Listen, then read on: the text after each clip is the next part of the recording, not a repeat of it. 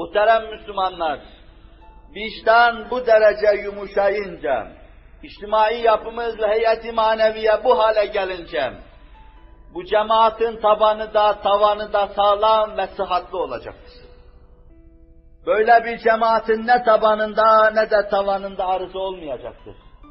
Binaenaleyh tavana çivi çakmak isteyenler veya tabanda bir kısım şeylerle kendilerini avutanlar, asıl yapmaları gereken şeyi yapsalar, tavan ve taban muhazi ve müsavi olarak sıhhata irca edilmiş olacak. Sıhhat kazanacak. Kema tekunu yuvalla aleykum fehvasınca alt ne ise üst o olacak.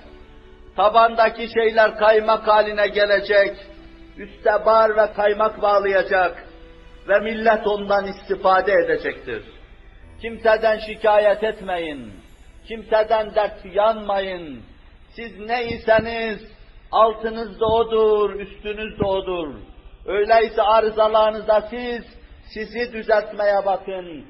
Siz hidayette olduktan sonra başkasının dalaleti size zarar vermeyecektir.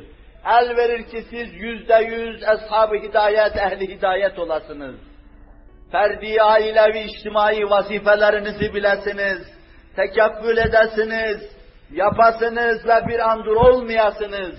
Allah sizi ve sayenizi zayi etmeyecektir. Temeresini er geç göreceksiniz. Ve en leyse lil insani illa ma sa'a ve enne sa'yehu sevfe yura thumme yuczahul ceza'el evfa. Sayenizi görecek ve kafi, vafi mükafatla Allah tarafından mükafatlanacaksınız. Allah sizi mükafatlandırsın. Alta göre bir üst olacaktır. Sağlam bir temeli görünce, üzerine sağlam bir kubbe korlar onun. Ama bu hayat içtimaiyede yarım şartlı determinizma içinde cereyan eder. Az cebrilik vardır bu işte. Taban neyse tavanı olur. Aşağı sağlam ise üst sağlam olur.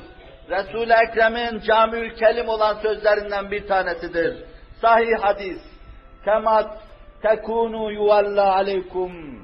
Nasıl iseniz öyle idare edilirsiniz. Taban nasıl ise tavan öyledir. Statik kuvvet nasıl ise dinamik kuvvet öyledir. Teb'a raiyet nasıl ise rai öyledir, baştaki öyledir. Öyleyse başka bir hadise ifade buyurduğu gibi, başınızdakilerini kınamayınız, kendinizi düzeltmeye bakınız. Zira kalpler Allah'ın elindedir. Siz Allah'la münasebet kurunca Allah kalpleri size çevirecektir. Kutsi bir hadisi şerifte Misbah'ta Resul-i Ekrem meseleyi böyle getiriyor ve anlatıyor. Ben melikler melikim. Meliklerin kalbi benim elimdedir. Meliklerinize beddua ile meşgul olmayınız. Belki ubudiyet-ü taat, Rabbiniz aranızdaki münasebetin kuvvet bulmasıyla meşgul olunuz.